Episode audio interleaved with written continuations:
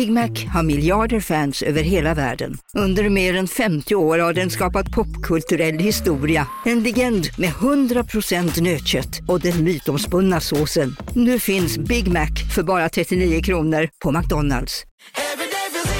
Som medlem hos Circle K är livet längs vägen extra bra. Just nu får du som ansluter dig 50 öre rabatt per liter på de tre första tankningarna och halva priset på en valfri biltvätt. Och ju mer du tankar, desto bättre rabatter får du. Välkommen till Circle K.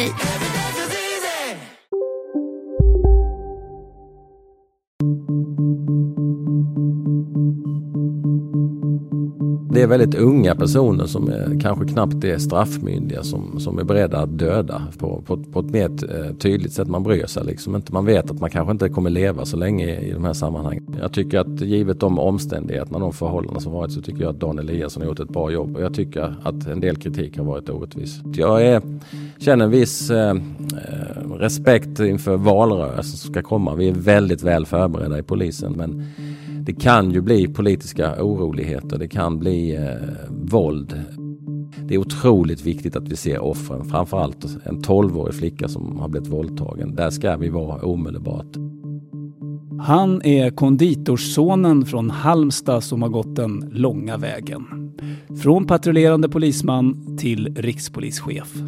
Efter en lång rad jurister så är han den första riktiga polisen som tar plats på den här posten. Och han tog över efter hårt kritiserade Dan Eliasson och har ärvt en organisation som har långt mer att göra än vad den hinner med.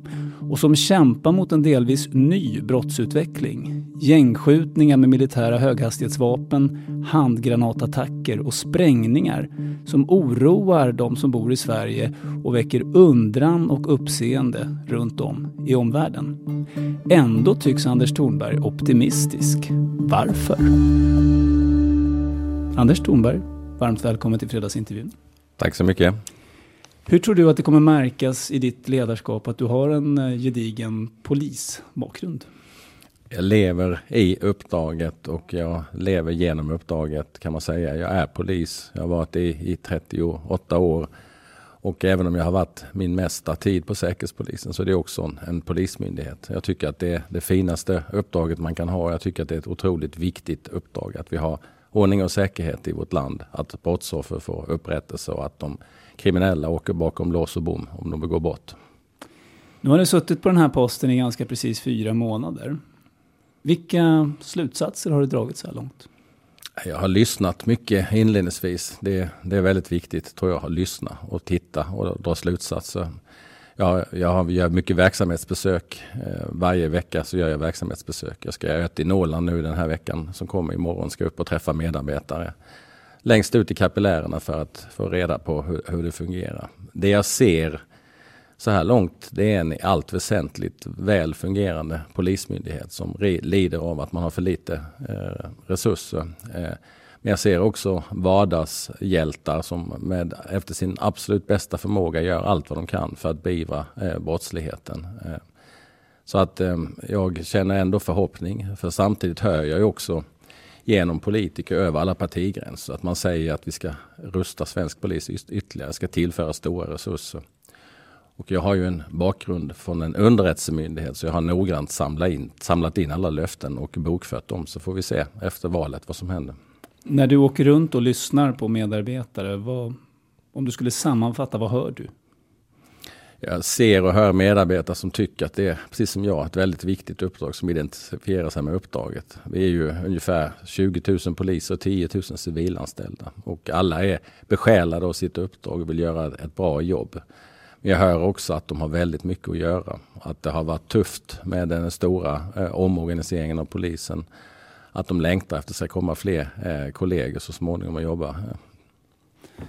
Varje chef sätter ju sin prägel på verksamheten, bland annat genom sina prioriteringar. Vad skulle du vilja satsa mer på?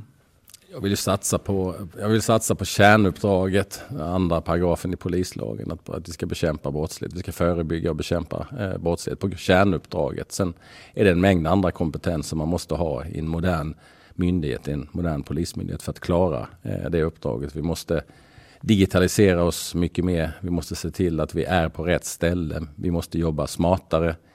vi måste fundera, tycker jag, väldigt mycket på hur vi mäts och, och vad vi lägger resurserna eh, så att vi kan eh, flytta om. Det finns många goda förutsättningar nu. Eh, I allt väsentligt så, så delar jag slutsatserna om omorganiseringen. En polismyndighet där vi kan flytta resurser efter behov, där vi jobbar på ett liknande sätt, där vi kan utbilda på ett liknande sätt mina utländska kollegor som jag pratar med, många är avundsjuka när de hör att vi har en organisation. Det finns ju huvudstäder i Europa där man har fem, sex, sju poliskårer som konkurrerar med varandra. Här har vi nu en, en myndighet. När du säger digitalisering till exempel, eh, det är ju många myndigheter som kämpar och funderar på hur de ska hänga med i den utvecklingen. Vad menar du konkret? Vi har satsat eh, ganska mycket pengar. Jag är imponerad av det som polisen har gjort de senaste åren. Vi har eh, bytt ut och moderniserat IT-avdelningen väldigt mycket. Det jag ser konkret är att när jag är ute på fältet, jag var i Lenacken häromdagen, eller det var en månad sedan ungefär, vid bron och var med och stod med eh, poliserna och passkontrollanterna där och kontrollerade fordon som kom in. Då har man iPhones med appar där man kan kontrollera fordon, bilder på de som åker. Eh, man kan få stöd i hur man ska göra ingripande, vilka kriterier som gäller för olika brott det är otroligt viktigt att de som är längst ut och som jobbar ute på gatan och de som är utredare, att de har modern teknik. Och jag ser att det görs väldigt stora ansträngningar för det. det. Det, krävs ju också att man bygger upp det från grunden, att man har en stabil infrastruktur, att man har kontinuitetsansträngningar eh, så att inte man får avbrott och så vidare. Men att man då binder ihop de olika systemen. Och vi har faktiskt burit ut de sista stordatorerna nyligen och har i allt väsentligt nu en modern eh, grund att stå på. Det är inte alla myndigheter som har klarat det. Och eh, jag blev väldigt glad när jag träffade eh, de som jobbar på IT-avdelningen. De, de, de, jobbar ute, de åker ut med eh, eh, de som är ute och tittar vad de har för behov. Det är inte något som de sitter och hittar på inomhus utan det är riktigt sådana behov som finns på fältet. Så kärnuppdraget, digitalisering vill du prioritera. Vad vill du prioritera ner lite grann då? För att ni kommer inte hinna med allt. Nej, men det, innan jag vill säga en sak till som jag vill prioritera först innan jag tar eh, vad ska jag prioritera ner. Det är ju, det är ju eh, kompetensförsörjningen. För eh, i allt väsentligt, som jag sa, vi ska växa med 10 000 medarbetare. Det låter ungefär likadant från alla politiska partier och regeringen är ju väldigt tydlig. Vi har lämnat in en, en plan för hur vi ska göra, så vi måste ju satsa på det.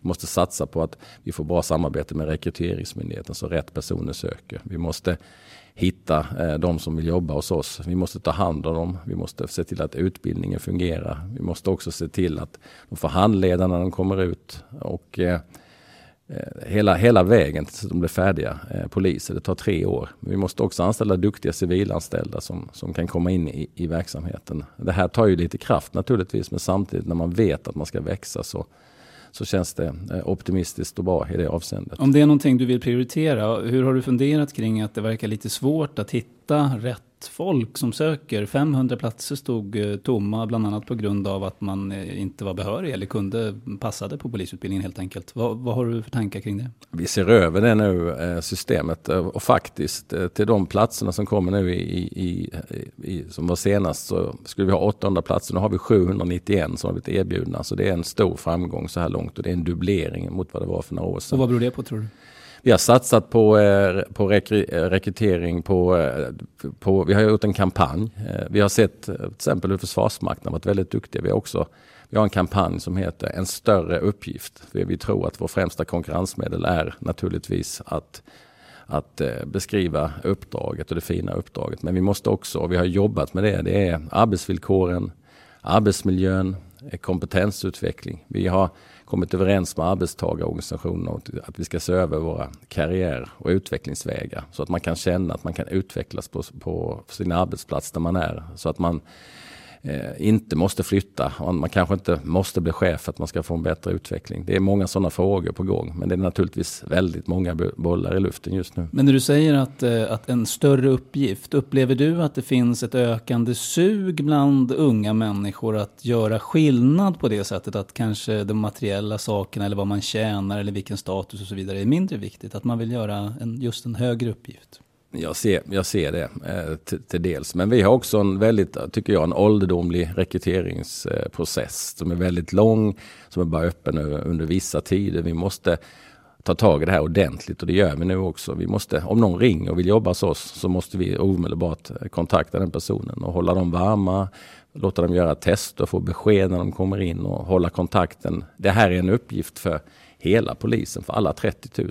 Jag predikar det ständigt. Ser ni någon bra person man eller kvinna som vill komma till oss så, så eh, är det ett ansvar för alla. Och jag märker ett stort engagemang i de här frågorna. Det är ett annat fokus än vad polisen kanske har haft historiskt. Ja, och det är en del av arbetsuppgiften också. Man träffar mycket folk, då kan man ju prata om sådana här saker. Jag tar alltid själv tillfället i akt när jag träffar människor och frågar om de skulle vara intresserade. Eh, jag hör också och ser att, jag eh, pratar med kollegor från andra länder, till exempel från Storbritannien hörde en som berättade att det ringer in 40-åriga eh, eh, ekonomiskt oberoende miljardärer som har gått någon fin utbildning, som har jobbat på aktiebörsen, som ringer och säger kan jag hjälpa till på polisen eller på säkerhetstjänsten? Jag skulle vilja ha något, något betydelsefullt jobb med större eh, uppgift. Då. Den nya generationen som kommer nu, de, de, eh, är ju väldigt intresserade av, av uppdraget i sig. Om vi pratar nedprioriteringar då, för att eh, det måste du göra förmodligen. Vad, vad kommer polisen satsa lite mindre på framöver? Vi måste ju först klara den mest eh, grova och prioriterade eh, verksamheten såklart. Det är ju det absolut viktigaste. Fara mot liv och hälsa, eh, skjutningar, försök till mord, terrorbrott, våldtäkter, sexualbrott och så vidare. Det måste vi. Sen, sen, sen måste vi jobba smartare över hela polisen och fundera vad vi ska vara. Det är kanske inte så att vi måste, eh, många tycker ju att vi ska vara mer synliga och det ska vi vara naturligtvis. Det blir tryggt och säkert också, men vi måste vara med våra resurser där, där, där kraften behövs. Eh, vad innebär det att vara närvarande? Är det att man syns i en radiobil? Eller för den nya generationen är det kanske att man finns på sociala medier, att man svarar, att man kan göra en anmälan på sociala medier, att man kan göra olika eh, saker. Men då låter det på dig som att eh, en sak som möjligen ska nedprioriteras lite är det här superfokuset på att vara synlig då i miljön Nej. överallt, eller? Hur ska ja, jag inte vara synlig för synlighetens skull, men eh, en stark lokal närvaro. Det är den bärande principen i hela omorganiseringen. Det innebär att vi ska vara längst ut i kapillärerna, så nära medborgarna som möjligt. Och där ska så många brott som möjligt klaras upp också. Sen, men kan det också vara på sociala medier? Eller hur menar det, du? det kan ju också vara på sociala medier. Men en stor satsning vi har gjort det är eh, polisens kontaktcenter PKC där det har varit en del kritik att vi kanske tar lite lång tid att svara. Där vi har många nyanställda duktiga medarbetare som, som också gör eh, vissa initiala brottsutredningar, ställer frågor, gör klart eh, anmälningar så långt som det bara är möjligt så vi kan vara ännu effektivare, så vi snabbt kan klara upp vissa brott medan de fortfarande är alltså så här varma och bearbetningsbara. Vi försöker tänka hur vi ska jobba och vi försöker tänka hur medborgarna vill ha vi har ju uppdrag, vi ska jobba brottsförebyggande, vi ska kunna göra ingripanden när det sker någonting. Vi ska ge service, det är pass, det är, det är demonstrationstillstånd, vapentillstånd, en mängd olika saker. Och sen ska vi också klara upp brott. Så vi har en väldigt bred palett som vi, som vi arbetar med. Så sånt som du vill prioritera ner återigen, kan du nämna någonting väldigt konkret? Jag vill ju egentligen inte prioritera någonting överhuvudtaget men vi måste ju titta utifrån resurserna ju efterhand som vi får, får mer resurser. Vi måste eh, vara smartare när vi jobbar hela tiden och vara där den, den allvarligaste brottsligheten sker, där vi, där vi gör mest nytta. Jag ser ju ibland, har vi mycket skjutningar så, så tyvärr så får vi ju då tillfälligtvis kanske prioritera, prioritera ner mängd mängdbrott och annat. Men det som är det absolut viktigaste som vi måste göra för att vi ska fungera, det är att vi renodlar vår verksamhet. Jag ser också när jag är ute att, att, att polisen gör väldigt mycket som inte är riktigt våra uppgifter. Till exempel? Ja, det kan vara att vi utför transporter eh, som, eh, av frihetsberövande. Eh, det har kommit en ny lag som gör att kriminalvården ska ta vissa eh, transporter och det har börjat rulla men det är inte fullt utvecklat. När vi kan göra det så får vi loss ännu mer resurser. Jag ser att det saknas förvarsplatser när vi hittar personer som ska som inte får vara i landet som, som, som ska eh, verkställas och, och, och skickas tillbaka ut för att de inte har tillstånd att vara i landet där det inte finns någonstans att, att lämna av dem. En annan uppgift är ju djurhållning till exempel. Som från första juli i år så kommer Länsstyrelsen att ta över en del. Vi har ju tagit hand om eh, båtsprungna hundar och katter och allt möjligt. Vi har haft nästan zooverksamhet ibland det är ju ingen polisiär eh, uppgift kanske. Så det, det är sånt som du skulle vilja att polisen blev av med helt enkelt? Ja, och jag, ser, eh, jag tänker på en sån sak som att vi tar hand om berusade personer. Vi tar hand om 60 000 personer eh, varje år ungefär. Och de allra, allra flesta de är bara fulla. De har inte begått något brott. De är inte våldsamma heller de flesta. Men vi tar hand om dem. Och så ska vi ha tillsyn på dem. Det är ju egentligen människor som är i behov av, av vård. Eh, det borde man kunna lösa på ett, på ett annat sätt. Till exempel genom vad? Väktare? Eller? Ja, eller att sjukhus kanske tar hand om dem om man är så full som man inte kan ta hand om sig själv. Sen några av dem kommer alltid vara våldsamma och då måste ju polisen eh, naturligtvis eh, komma in.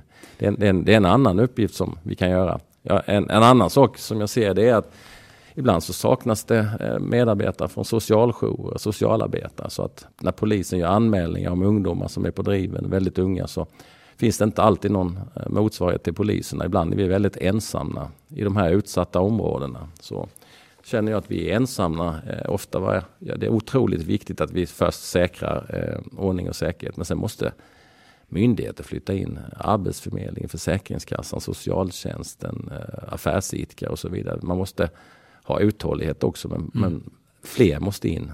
Det är val snart och de mm. olika partierna lanserar sina kriminalpolitiska program. Eh, om du bortser från dem och fick säga vad som framförallt är viktigt för dig för att polisen ska kunna lösa sina uppgifter. Hur ser eh, topp tre på önskelistan ut? Tänker du på lagstiftningsfrågor då? Du får säga vad du vill egentligen som, kan, som politikerna kan påverka och som kan ja, förenkla ditt det, liv och polisens det, liv. Ja, resurser framför allt. Pengar alltså? Ja, att man, ja, med resurser, pengar, att, att vi kan fortsätta den här utvecklingen. Vi är, Sverige har eh, bland den lägsta polistätheten i Europa eh, per 100 000 invånare. Den har minskat lite. Befolkningen har ökat med ungefär en miljon på relativt få år brottsligheten är mer komplex och, och eh, det är också mycket mer svårutrett, mycket mer IT-brott. Så resurser är topp ett. Vad är topp två då? Ja, det, är, det är lagstiftningsfrågor. Det är till exempel eh, datalagringen som är en ren katastrof. Eh, beslutet som har tagits nere i EU-domstolen med att vi inte får lagra datauppgifter. Det är de som gör att vi får ingångar till den mest allvarliga brottsligheten. Det är de som gör att vi kan jobba med eh, personer som begår övergrepp mot barn på nätet så man kan få fram IP-nummer och annat. Det är de som gör att vi kan hitta båtsprungna gamla personer eller barn som har försvunnit genom att vi kan spåra var mobiltelefoner har varit. Det är de som gör att vi kan få till narkotikabrott, att vi kan hitta eh, misstänkta terrorister och så vidare. Det, det här är... måste ni vara rörande överens eh, om med även era äh, kollegor i andra europeiska länder, tänker jag? Eller? Ja. Så då borde ni kunna driva det som en europeisk politisk polisfråga? Ja, ab absolut. Eh, jag, jag, tänker också på när jag var på mitt förra arbete som chef för Säkerhetspolisen. Det var också en sån fråga som var väldigt viktig för en säkerhetstjänst. Det är också en polis, polismyndighet. Så var, var ligger den nu då skulle du säga? Nej, frågan ligger ju, den ligger ju kvar i, eh, nere i, i Bryssel och den, det är dömt i domstol. Så att det är ju, måste till politiska initiativ för att ta tag i den här frågan. Och den tredje? Sen är det hemlig dataavläsning eh, som, som allt fler kommunicerar på ett annat sätt. Vi vill inte ha mer eh, möjligheter egentligen. Vi, vi är inte ute efter att få eh, ännu mer eh, tvångsmedel. Men vi, vi vill i alla fall ha det som vi har haft en gång i tiden. Det vill säga att vi vill kunna lyssna om domstolen ger oss tillstånd att lyssna på telefon och följa vad man säger. Nu gör man det på på krypterat på chattar, på appar och annat som gör att vi inte kan följa det och då behöver vi eh, en hemlig dataavläsning så att vi kan läsa det innan det blir krypterat. Och det är tillstånd ni inte har idag? Det är tillstånd som vi inte eh, har idag som, som det nu pågår en utredning och förmodligen kommer komma ett, ett lagförslag eh, om det också. Så din företrädare Dan Eliasson fick ju oerhört mycket kritik i medierna och en samlad opposition också i riksdagen krävde hans avgång. Eh, nu när du har liksom kunnat sätta dig in i vad, vad han hade på sitt bord, eh, tycker du att det var orättvist? Jag brukar säga så här att jag ska egentligen inte recensera när jag tittar framåt, men jag vill ändå göra det. Och jag är väldigt tydlig med det när jag är ute bland mina medarbetare. I allt väsentligt som jag har sett så har Dan Eliasson och hela Polismyndigheten gjort ett fantastiskt jobb under hela det här ombildningsarbetet. Det har varit otroligt svårt. Det är en av de största ombildningarna av en myndighet som har gjort i modern tid i, i statsförvaltningen. Eh, som är, och jag delar fullt ut slutsatserna från att man borde göra det också. Sen, sen, samtidigt så har det ökat med brottsligheten. Det har varit mycket skjutningar. Eh, det har varit eh, mycket diskussion kring arbetsvillkoren för poliserna som inte är tillräckligt bra. Som vi på sikt måste höja om vi vill ha en, en bra och effektiv eh, polis i, i Sverige.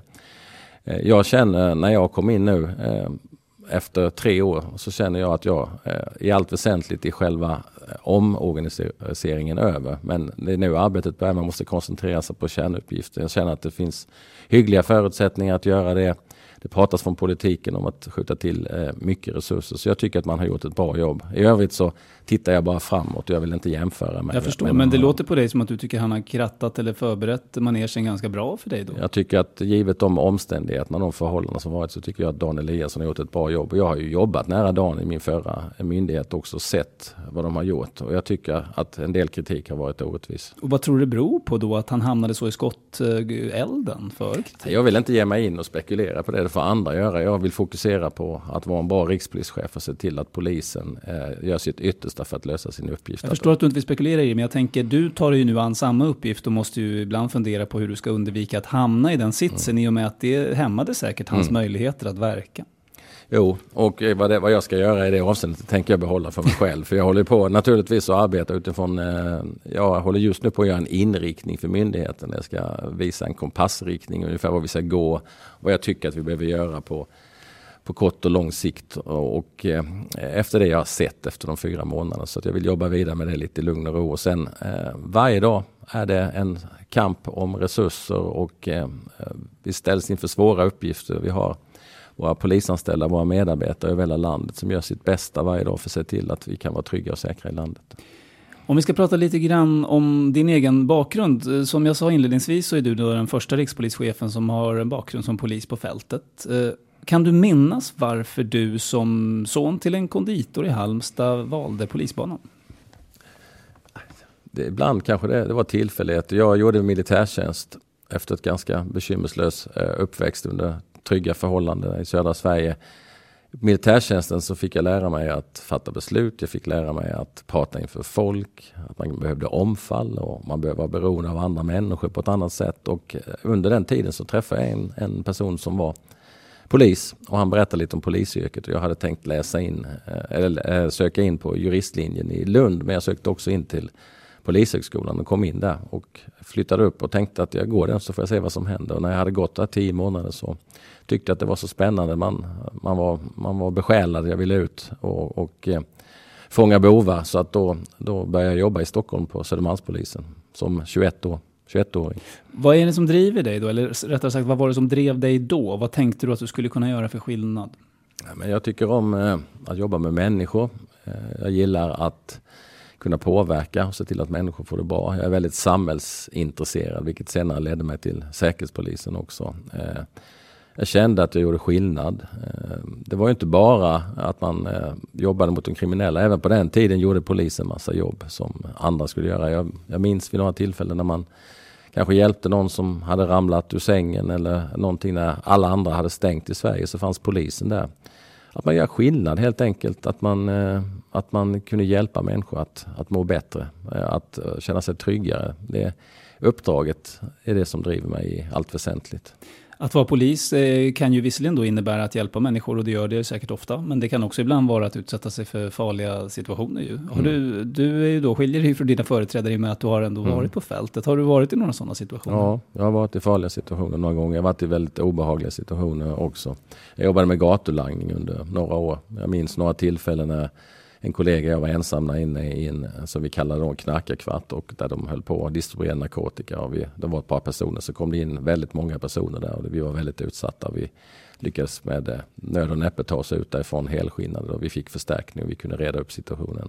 Jag minns en annan situation när jag blev angripen med ett svärd en gång eh, på Södermalm i ett trapphus. En väldigt, väldigt eh, narkotikapåverkad man med bara överkropp som svingade en slags svärd mot oss. Vi backade och backade och vi skrek att vi skulle skjuta. Vi tog upp vapnen och vi till sist släppte han svärdet och vi lyckades gripa honom. Men det där har följt med lite efteråt.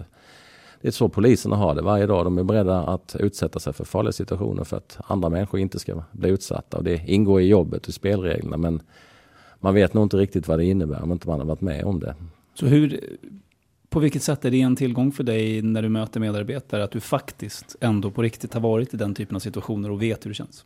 Jag kan ju aldrig översätta hur en annan människa känner det exakt men jag vet i, ungefär i stort hur det känns. Ja. Jag är ofta på utsättningar.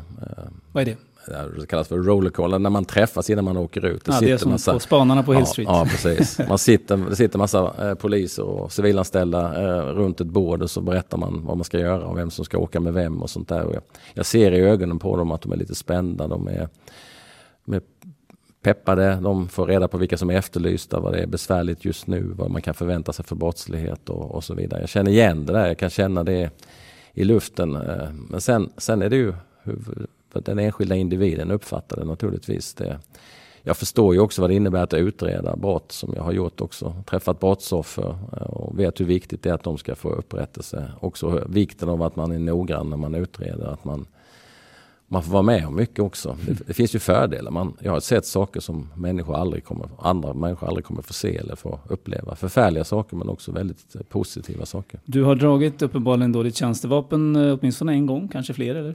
Jag har dragit mitt tjänstevapen många gånger men det, det, var just den gången som jag var väldigt nära att, att uh, använda det. Men uh, det har varit andra situationer också när jag har varit beredd att använda det. Men du har sluppit? Jag har sluppit använda det.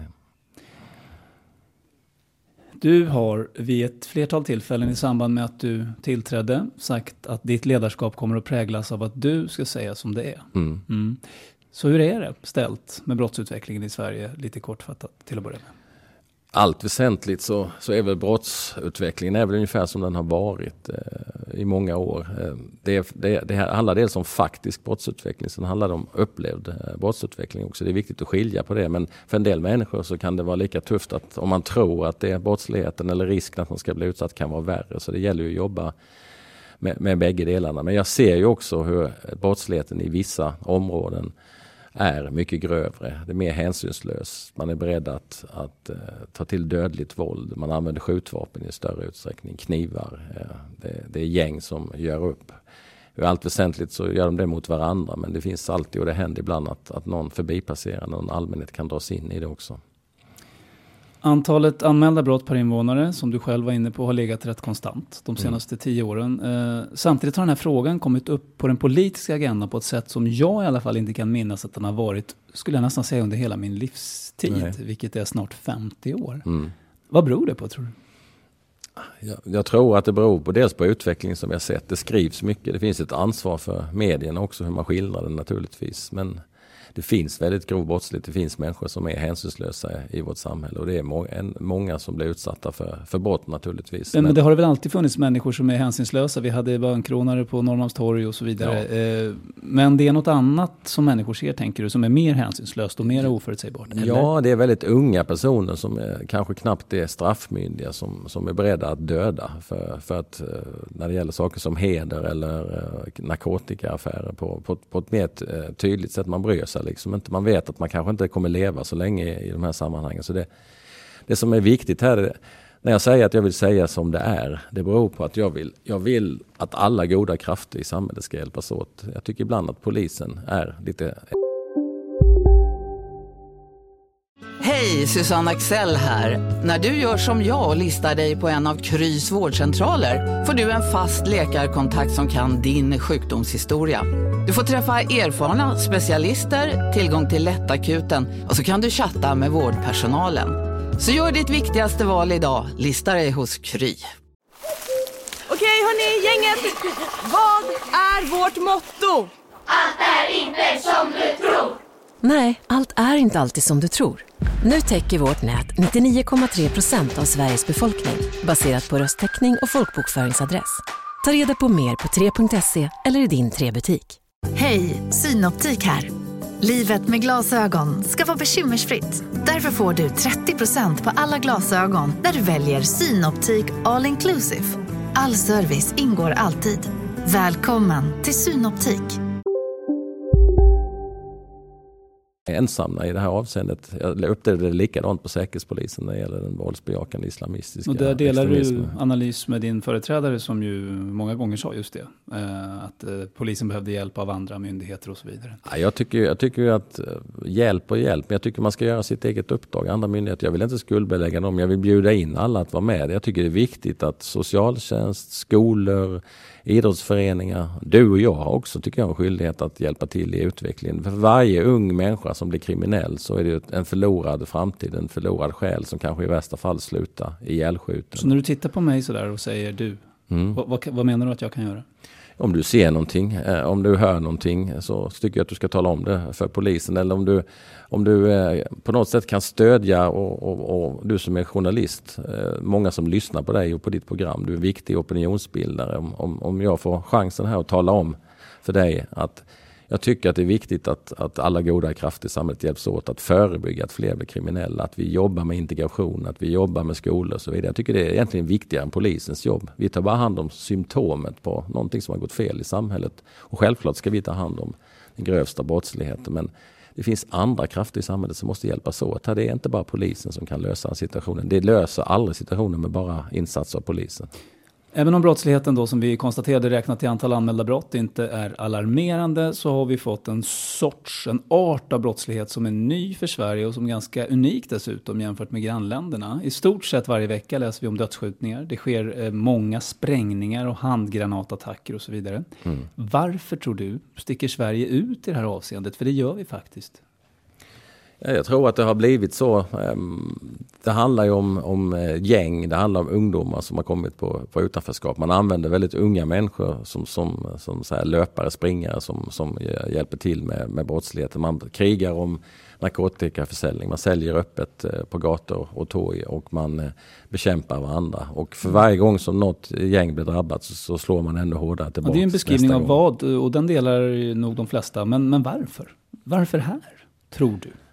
Jag har, inget, jag har inget bra svar på det. Som polismyndighet så tittar vi på enskilda individer som, som begår brott. Vi försöker ju med vår underrättelsetjänst identifiera de här individerna som, som är grova och hänsynslösa eh, kriminella. Det är väldigt många, eller få ungdomar som begår mycket brott. Jag ser och hör gång på gång hur vi tar in ungdomar som just på de här utsatta, eh, särskilt utsatta områden eh, som använder mycket våld. När man tittar på deras brottsregister så på väldigt kort tid har de samlat på sig otroligt många öppna anmälningar. Det, det är väldigt viktigt att samhället eh, reagerar att de blir omhändertagna av sociala myndigheter om de inte är straffmyndiga. Att de får konsekvenser av sitt handlande tidigare som man inte tror att man kan genomföra. Där finns det ju diskussioner om eh, att vår syn på barn då, eller minderåriga hindrar lite grann att mm. man får stopp på de här. Mm. Ser du något behov av förändrad lagstiftning eller någon annan förändrad praxis som gör att konsekvensen för de här individerna eh, blir starkare och tydligare?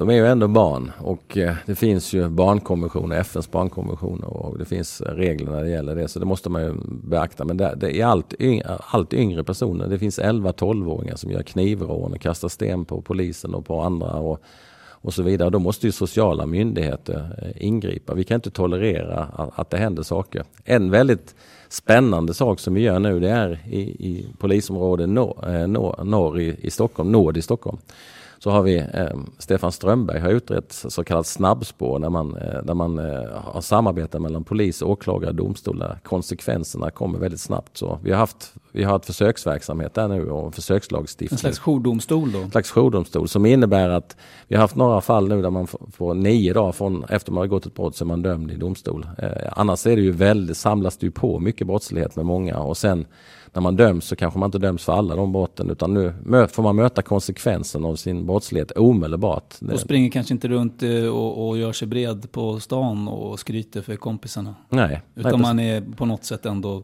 omhändertagen. Man blir omhändertagen omedelbart. Jag tror att det är väldigt viktigt att reagera tidigt och då kommer vi tillbaks till det där samarbetet vi måste ha med polis, åklagare, domstol, socialtjänst eh, och så vidare. Det, det, hela samhällets, hela kedjan måste funka tillsammans. Jag ska borra lite mer i, i det här med det som gör att Sverige sticker ut. När eh, fyra forskare, däribland kriminologen Amir Ostami, jämförde antalet skjutningar med dödlig utgång i Sverige och andra länder så framgick det att vi har sex gånger fler sådana per capita eh, än Norge och fyra gånger fler än Tyskland. Mm. Hur ska man förstå det egentligen? Ja, det är ju en fråga som vi eh, diskuterar och funderar. Vi jobbar med, med BRÅ till exempel och, vi, och, vi, och mina utredare jobbar med det. Men som jag sa, vi tittar ju på, på de här miljöerna. Vi har identifierat med underrättelse, aktiv underrättelsetjänst har vi identifierat miljöerna, miljöerna. Vi har en god uppfattning om vilka individer det är och vi försöker vidta förebyggande åtgärder så vi ska komma åt de Vi kan lyssna på vad han själv eh, hade för teori. Det var delvis en spekulation, men i alla fall så här sa han till Pet morgon då när rapporten kom. Det verkar vara så att de länder med låg skjutvapenvåld har också höga uppklaringsgrader, alltså polisiära Eh, polisiärt uppklarade ärenden. I Tyskland ligger de närmare 90 procent, i Finland över 90 procent. I Sverige, med takt med att skjutvapenvåldet har ökat, eh, så har också uppklaringsgraden minskat sen, stadigt sedan slutet av 90-talet. Vi ligger nationellt eh, runt 50 procent uppklarade, storstäderna ligger vi runt 25 procent, från att ha legat på 90 procent. Ja, det var hans beskrivning av hur läget såg ut då när rapporten kom. Det är väl något år sedan nu då. Ehm, ja, det där låter ju illavarslande. Om vi är så mycket sämre på att utreda de här brotten än, än jämförbara länder. Mm, men det var ju som du sa, vi har ju så betydligt många fler också och det är klart att det blir sämre då om du jämför med de länder du pratade om som hade så färre. Så att det har blivit någon spiral med, med våldet och vi prioriterar ju de här ärendena. Men det innebär att vi måste ju ta utredningsresurser eh, från annan brottslighet också. Och eh, i Stockholm till exempel, där man har satsat mycket på senaste tiden nu så så, så eh, får man ta och samla väldigt många utredare för att så snabbt som möjligt försöka klara upp de här brotten. Vi klarar upp ganska eh, många av dem också men ibland eh, så är det väldigt många som pågår samtidigt och en mordutredning eller ett försök till mordutredning är en väldigt allvarlig brottslighet och det kräver väldigt stora resurser för att man ska kunna eh, jobba med det systematiskt. Mm. Sen, sen har det kommit till också eh, de kriminellas eh, hårdhet eller vad ska jag säga, sätt att, att eh, bemöta när polisen kommer. Det är ingen som säger något en enda gång. Eh, de sitter helt tysta. Eh, de vågar inte eller vill inte överhuvudtaget medverka på något sätt. Det finns vittnen som inte vågar medverka. Det finns personer som skulle kunna lämna upplysningar till polisen som, som inte heller vill medverka. Och då innebär det naturligtvis att det är ännu svårare för oss de tekniska bevisningarna, domstolarna är mycket mer hårdare nu för tiden också på krav eh, och på, på, eh, för att eh, man ska få en fällande dom. Och det är bra på ett sätt men det ställer också stora resurser på polisen. Och i varje brott så det är enorma mängder digital information från mobiltelefoner, från datorer, från bilar och från allt möjligt som vi samlar in för att göra bevisning och eh, det ökar hela tiden. Så och gör att det tar längre tid att utreda? Gör att det tar längre tid att utreda. Det finns många faktorer som spelar in här. Det finns en idé som har rests ibland om anonyma vittnen som just skulle kunna komma åt det där då mm. att man, eh, den här tystnadskulturen som råder som mm. delvis kanske bestyrs mm. av rädsla. Mm. Konsekvensen blir förmodligen att man blir skjuten om, om man öppet vittnar. Är det någonting du tycker tycker man borde titta på? Jag vill inte uttala mig exakt vad jag tycker ännu. Jag håller på att sätta mig in i det fortfarande. Men vi har en kontinuerlig diskussion med våra uppdragsgivare och eh, även med opposition och politiker som vill lyssna med oss när vi berättar vad vi vill ha, vad vi behöver för, för lagstiftning. Och sen tycker jag alltid som, som det är i ett, i ett land, det som är så bra med Sverige också, det, ytterst är det ju våra politiker som beslutar vad vi ska ha för verktyg. Och det ska prövas ordentligt mot integritet, det ska prövas ordentligt mot vad som är rimligt, eh, hur mycket resurser och hur mycket monopol och våldsmonopol och tekniska resurser som en polismyndighet ska ha också vad vi tycker eh, totalt. Så det är många väldigt svåra komplicerade avvägningar som ska göras också. Sexualbrott är en annan typ av brott som tycks öka. Eh, enligt Brottsförebyggande rådets nationella trygghetsundersökning ökar antalet anmälda sexualbrott kraftigt. Har du liksom dragit några slutsatser om att polisen kan jobba på något slags annat sätt för att komma till rätta med det här än vad man har gjort tidigare? Ja, vi, det är brottslighet som vi prioriterar. Vi har också klarat upp mycket mer senaste tiden. Inte lika mycket som det har ökat men vi har klarat upp betydligt fler eh, brott. Ehm, jag har inte procentsatsen nu precis i, i huvudet. Det är många siffror som, som passerar min skalle just nu men jag vet att, att vi, vi jobbar hårt och vi eh, vi, vi har haft en viss framgång när det gäller här. Jag också tror... andelsmässigt, för tidigare var det ju så att det var fler brott och då blev det också fler uppklarade brott. Mm. Men som andel av anmälda så, så var det inte en, en stigande trend utan tvärtom. Det här är väldigt komplicerad brottslighet. Det är brottsoffer som, som mår dåligt, väldigt dåligt. Det är brott i nära relationer mot barn, mot kvinnor. Det är sånt som vi prioriterar i polisen. Det, det ställer stora krav på resurser. Det ställer väldigt stora krav på bevisning som jag sa tid, tidigare också. Så att vi gör vårt yttersta med de resurserna vi har för att, för att klara upp så mycket som möjligt. Men ytterst så handlar det om på sikt, det handlar ju om resurser så vi kan få till den här fördelningen. För, för att gör vi mer av något, blir det mer skjutningar, mer mordförsök, mer våldtäkter så måste vi ta bort resurser någon annanstans på vanliga mängdbrott. Och vi har många stora utmaningar. Vi har internationella stöldligor som kommer hit och begår brott. Vi har annan brottslighet som vi också, måste också beivra. När du säger mängdbrott, då pratar vi snatterier och mindre stölder? Och ja, stölder, men det för en vanlig människa så, så känner man sig väldigt utsatt när man blir eh, utsatt för ett brott. Det kan vara ett inbrott, det kan vara eh, enklare stölder, men Men det finns, det finns mycket brottslighet och, det, och människor, människor mår dåligt när man blir utsatta. Vi vill ju att alla brottsoffer ska få upprättelse och att vi ska lagföra de kriminella. Um, när man tittar på den där NTUn då, nationella trygghetsundersökningen, så är det några siffror som verkligen sticker ut. Och andelen som uppger att de har utsatts för något sexualbrott under det gångna året har mer än trefaldigats på tio år bara. Uh, bara sedan förra året, som redan det var ett rekordår, så är ökningen av personer som uppger att de har utsatts mm. för sexualbrott över 40 procent. Uh, hur oroad ska man vara för den här utvecklingen? Det, man ska, man, jag tror att de flesta behöver inte vara oroliga. Men det är klart att, att, det är ju fakta som du läser upp och vi jobbar hårt för att göra det bättre. Ja, ja, häromdagen när jag var runt i verksamheten så fick jag höra om ett eh, fall som utreddes någonstans i Sverige där det var sexuella övergrepp mot barn på nätet, så kallad grooming, eh, där det var 174 stycken eh, målsägande i ett enda fall och det är bara en pinne i statistiken. Det är, det är 174 tragiska fall med, där kanske barn är utsatta för sexuella övergrepp. Det det finns tyvärr allt för många människor i Sverige och i världen som, som vill utöva våld och makt mot barn och kvinnor och, och eh, våld mot eh, andra när man inte får som man vill. Och det är förfärligt och vi gör vårt yttersta varje dag för att bekämpa det här. Nu är det sommar, en årstid då det anordnas eh, många musikfestivaler och ett problem de senaste åren har ju varit att det har begåtts ett stort antal, oftast då något lindrigare sexualbrott i samband med de här festivalerna. Gör ni något särskilt i år för att uh, förebygga att det här ska hända igen? Vi tar ju höjd för sommaren. Vi vet ju vad sommaren innebär. Det börjar med, med sommarlov, mer ungdomar som kanske inte har någon, något speciellt att göra, som driver omkring lite och som kanske får tag på någon drog eller någonting. Festivaler. Det vi gör hela tiden är att vi jobbar med arrangörer. Vi jobbar med ordningsvakter, väktare, med arrangörerna för att eh, förbättra sånt här. Och när det händer olika brott så gör vi också vad vi, allt vad vi kan för att ha metoder och, och eh, vi ska ta upp ordentliga anmälningar. Just de där brotten eh, har ju eh, ofta sagts är väldigt svåra både att upptäcka och bevisa vem gjorde mm. exakt vad mm. och sådär. Finns mm. det andra? Polisen försökte ju med den här kampanjen med tafsa inte armbanden. Finns det andra nya idéer på hur man kan komma åt det på ett förebyggande sätt? Det handlar ja, återigen om alla goda krafter i samhället som måste hjälpas åt. Det är inte polisens eh, bara problem. Att, att, är det brott så är det vi som ska utreda. Men att, vad är det som gör att unga människor kan eh, kränka andra människor på det sättet? Det, det tycker jag alla ska fundera på som lyssnar på det här programmet. Vad gör du och jag för att stoppa om vi ser något sånt på en tunnelbana eller på en festival eller någonting? Vad gör skolan? Vad utbildar man om? Vad gör socialtjänsten med sådana som gör det eh, upprepade gånger och, och, så vidare. och så vidare. Det, det, är vilka normer vi har i samhället, vad vi tillåter och, och hur vi jobbar. Så att det här är ett stort problem eh, som polisen absolut har ett stort ansvar i men också tillsammans med en rad olika myndigheter. Det som har stått i fokus för mycket av brottsdebatten, framförallt när det gäller grova brott, är de så kallade särskilt utsatta områdena. Enligt polisens senaste kartläggning, som har något år på nacken nu, finns det 23 sådana i Sverige. Och eh, så här lät det en vanlig onsdag vid midnatt när en boende i Kista filmade från sin balkong.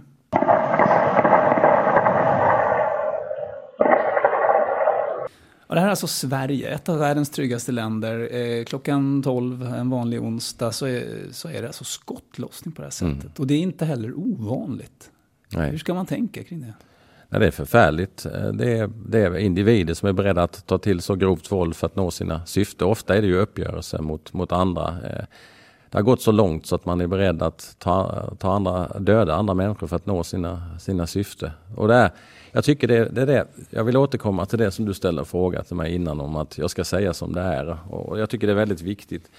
Jag tycker det var banbrytande och avgörande att polisen gick ut och talade om att det fanns särskilt utsatta områden. Det var, att det, att det, fanns, det var helt rätt. En del eh, kanske inte tycker att man ska prata om sådana saker men jag tycker man ska göra det. Jag tog ett liknande beslut för fem sex år sedan när jag blev chef för Säkerhetspolisen. Jag berättade att det fanns 200 våldsbejakande islamistiska extremister som, som, som på olika sätt eh, hjälpte till att främja sån brottslighet. Jag berättade vid Almedalen förra året att det fanns 3000 individer som var våldsbejakande extremist med både höger och vänstersidan och, och, islamister som, som på olika sätt sympatiserar. Jag tror att det är därför polisen får mer resurser nu. Jag tror att det är därför man får mer fokus på de här frågorna. Men har det funnits en rädsla för att nämna båda de där sakerna på, ja, att säga sanningen om dem för att kanske anklagas för att fiska grumliga vatten eller peka ut vissa folkgrupper som potentiella brottslingar? Har det funnits en sån, ett sånt drag? Eller? Det vet jag inte, men jag, jag tycker att en, en, myndighet som Polismyndigheten som, som är en stor och stark myndighet, om vi ser någonting, om vi ser problem, vi, vi redovisar vår statistik också, vi måste säga som det är vi kan inte sopa någonting under mattan och det gör vi inte i polisen heller. Men, och vi redovisar ju våra uppklaringssiffror, vi redovisar vilka resurser vi har, vi redovisar hur det ser ut med olika eh, brottstyper, vad som händer och, och så vidare. Vi, vi jobbar väldigt hårt med, eh, alltså vi ska komma nära också, vi jobbar väldigt hårt med vi har medborgardialog i, i alla kommuner i Sverige. Vi har kommunpoliser som går ut och hör vad vill man i olika kommuner. Och så ger vi medborgarlöften Eh, där vi ska jobba efter den lokala eh, problembilden. Och mm. tänker man då på skjutningen som du sa i Kista, ett särskilt utsatt område i Järvafältet så, så har vi skjutit till eh, betydande resurser. Vi har betydligt mer resurser i lokalpolisområdet där än vad vi har i ett normalt lokalpolisområde. Vi försöker ta tillbaks området Eh, fullt ut. Eh, det finns inga no-go-zon och sånt som man pratar om. Däremot så, så, finns det mycket brottslighet vid olika tidpunkter. Vi är närvarande där i polisen. Vi vill att andra ska vara närvarande också. Sen handlar det om att när vi Få till en grundläggande lag och ordning i, så det blir tryggare i de områdena så måste andra flytta in och det ska återgå till en normal, normala eh, förhållanden. Och då måste man ha uthållighet också. Polisen kan ju inte lämna. Vi, vi gjorde en enorm satsning i Södertälje för en fyra, fem år sedan och kom till rätta med väldigt, väldigt mycket allvarlig brottslighet. Det var förfärligt i många eh, delar av, av Södertälje. Och det blev mycket bättre. Eh, vi lagförde, det var många ledande kriminella individer som fick eh, krypa bakom lås och bom. Eh, nu måste vi ha uthållighet, vi måste vara kvar där för att om vi försvinner därifrån och civilsamhället försvinner därifrån så är det lätt att det glider bort till samma situation igen. Ehm, du nämnde det där med med att ni ska ta tillbaka områden. För tre år sedan lovade Dan Eliasson just att polisen skulle återta åtminstone ett antal områden som nästintill kontrolleras av kriminella gäng. Eh, men det har inte skett. Eh, istället så sa han så här vid en presskonferens som då tydligt visade att utvecklingen gick åt fel håll. Hjälp oss, hjälp oss. Vi måste ha kommunerna med oss. De gör mycket idag men vi måste göra ännu mer tillsammans för att vända utvecklingen. Hjälp oss, hjälp oss. Vad, vad, tänkte du när du hörde det där? För det, fick ju en, det blev ju symboliskt på något sätt. Ja, jag har ju, vi, har ju, vi har ju touchat vid det här flera gånger, det här samtalet. Jag menar inte polisen tar hand om brottsligheten, vi ska bekämpa brottsligheten. Det är vi som tar hand om de mest grova kriminella som har skjutvapen. och Annat det är vi som är utbildade för det.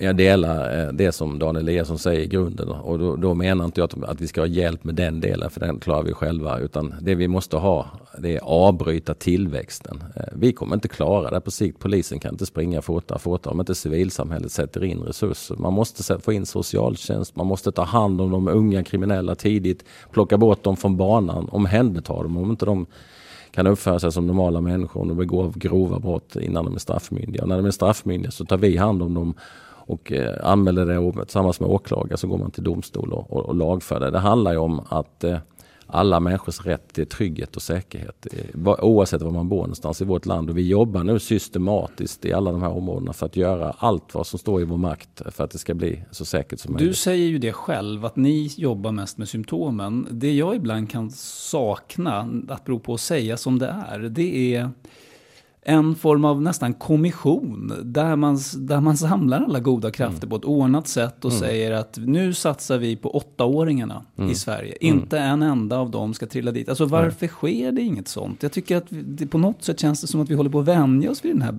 typen av brottslighet och liksom ger upp de där områdena lite.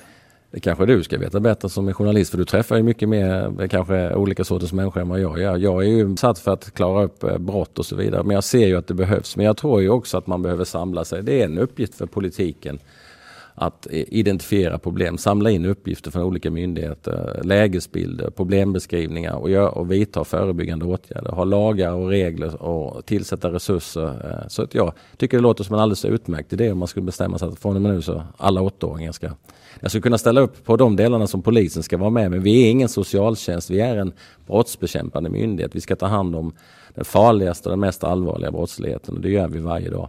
Om vi vänder på det, istället för att prata om utsatta områden, eh, gå till den andra extremen, alltså områden som är välbärgade men där man oroas av den här nya typen av brottslighet. Till exempel i Bromma i västra Stockholm så har grannar gått ihop och betalar nu ett vaktbolag för att patrullera deras eh, grannskap.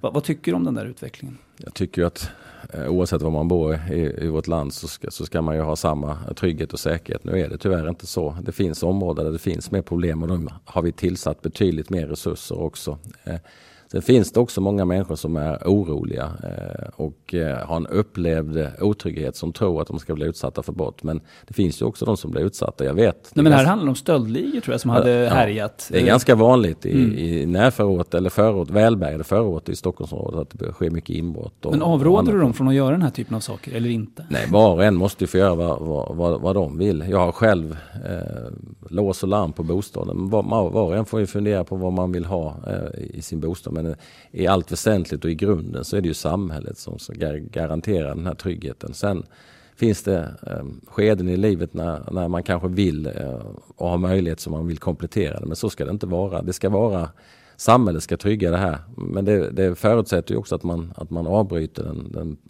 tillväxten och att man jobbar hårt med det här tillsammans. Ehm, till sist då, uh, utredningsfrågan. Uh, den mm. verksamheten har ju länge beskrivits i alla fall som att den har varit i kris. Visserligen mm. ökade andelen uppklarade brott under förra året, uh, mm. men när det gäller våldsbrott så minskade de med nästan 3% jämfört med året innan. Mm. Varför har utredningsverksamheten, tycks den ha, problem? Som jag sa, det är mer komplicerad brottslighet. Sen har vi också varit, gått igenom en väldigt stor omorganisering som har gjort, inneburit att vi kanske inte har, vi har fått prioritera om en del. Det har varit många som varit eh, upptagna med, med förändringen. Det, det, det, sätter sin eh, prägel. Vi har fått omprioritera till den absolut grövsta eh, brottsligheten också. Jag följer det här med väldigt stort intresse och jag har ingen riktigt klar bild än, ännu. Jag är eh, ibland förvånad lite över eh, resultaten, hur de går. Eh, och sen är jag lite fascinerad och förvånad över att man bara mäter i princip polisens framgång på utredningsverksamheten. För jag skulle vilja mäta brottsförebyggande verksamheten, vad vi gör där. Jag skulle vilja mäta ingripande verksamheten, vår serviceverksamhet och det är ju kommunicerande kärl. Om, om vi måste göra mycket mer på något område så måste vi ta någonstans av våra ändliga eh, resurser. Det mäts inte idag menar du på samma sätt? Ja, inte på samma sätt utan det är väldigt stort fokus. Vi mäter det till dels internt men det mäts ju till väldigt stor del på, bara på utredningsresultatet. Mm. Jag kan ju jämföra, jag ska inte göra det egentligen för jag är ju på, jag är ju på Polismyndigheten nu, men i min förra myndighet där jag var chef så, så om ingenting hände så hade vi ett bra resultat. Och då skulle man kunna tänka om man inte gjorde något, det var bara tur. Men så är det naturligtvis inte utan eh, en myndighet som jobbar i allt väsentligt brottsförebyggande gör ju tusentals aktiviteter och prestationer varje år för att se till att det inte händer. Jag skulle vilja utveckla det lite inom polisen och jag har lite idéer på det jag tycker ibland att vi blir lite orättvist mätta också. Eh, sen bakom statistiken så måste man veta att man mäter polisen på ett sätt, åklagarna mäter på ett andra sätt och BRÅ mäter på ett tredje sätt.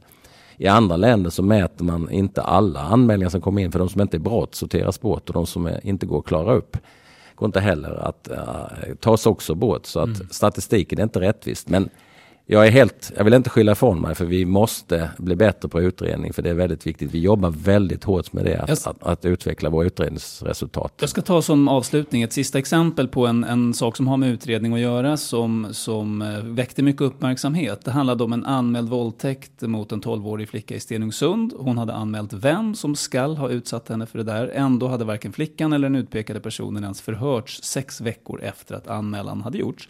Och det som väckte uppmärksamhet var hur den utredande polisen uttryckte sig. Vi har så många uh, sådana här ärenden och vi är så få så att vi, hinner helt enkelt inte med. Så vi är så hårt pressade så vi, vi, vi hinner inte bättre än så. Det är jätteledsamt för vi skulle inte annat vilja än att prata med mm. dem dagen efter men, men uh, nej, det finns, inte, det finns inte en möjlighet. Ja, här handlade det alltså om att man inte ens hade tagit tag i en anmäld våldtäkt mot ett barn på sex veckor. Är det fortfarande en möjlighet att det kan bli så? Eller lovar du, höll jag på att säga, att så jag, ska jag, det inte bli? Jag har jobbat i polisen i 38 år. Jag tänker inte lova någonting. Jag, jag kan inte garantera något till 100 procent. Vi är en väldigt stor organisation med väldigt många människor. Jag tycker det är tråkigt att det låter på det här sättet. Jag vet att mina medarbetare i allt väsentligt är fullt besjälade för att för att man ska lösa uppgiften. Och jag, hade jag haft en bandspelare med mig så kunde jag spelat upp lika många fall där vi gör fantastiska insatser eh, varje dag såklart. Eh, men det är otroligt viktigt att vi ser offren, framförallt en 12-årig flicka som har blivit våldtagen. Där ska vi vara omedelbart. Sen tvingas vi ibland att göra eh, väldigt, väldigt tuffa prioriteringar för vi har dödligt våld, mord och sånt. Men just det här fallet kan jag inte uttala mig om. Jag känner inte till det och jag har inte hört talas om det innan. Till sist då, vilka yrkesmässiga förhoppningar har du på den här sommaren? Jag hoppas ju, om man skulle vara riktigt kass, men det hoppas man ju egentligen inte, så vill man ha mycket regn och, och oväder och åska. För att det är polisens bästa vän i, i, vissa delar. Men jag önskar verkligen hela det svenska folket en fin och varm sommar. Men jag hoppas också att vi får det lugnt. Jag är, känner en viss eh respekt inför valrörelsen som ska komma. Vi är väldigt väl förberedda i polisen tillsammans med Säkerhetspolisen och andra myndigheter. Men det kan ju bli politiska oroligheter. Det kan bli eh, våld det är någonting som djupt i min själ eh, som jag tycker väldigt illa om. Det är när man är beredd att använda våld eller hot om våld för att nå sina politiska syften. När man inte vill inordna sig i det demokratiska systemet. Och det är jag väl, eh, har jag respekt för att, eh, att jag har lång erfarenhet att det kan hända. Och det vill jag absolut inte att det ska hända. Så vi kommer göra allt för att vi ska bli en lugn och fin sommar. En lugn och fin valrörelse. Och sen får vi se vad som händer efter valet. Det blir väldigt spännande för oss. Och jag lovar att jag ska följa upp alla löften som har gjorts också. Lovar rikspolischef Anders Thornberg. Stort tack för att du kom till fredagsintervjun. Tack så mycket. Och jag tar detta tillfälle i akt också att säga stort tack till alla er som följer fredagsintervjun och som ofta skriver till oss på olika sätt. Vi är oerhört stolta och oerhört tacksamma över att ni är så engagerade. Fredagsintervjun tar nu sommarpaus fram till den 10 augusti då vi återkommer med en ny spännande gäst. Ha en riktigt bra sommar.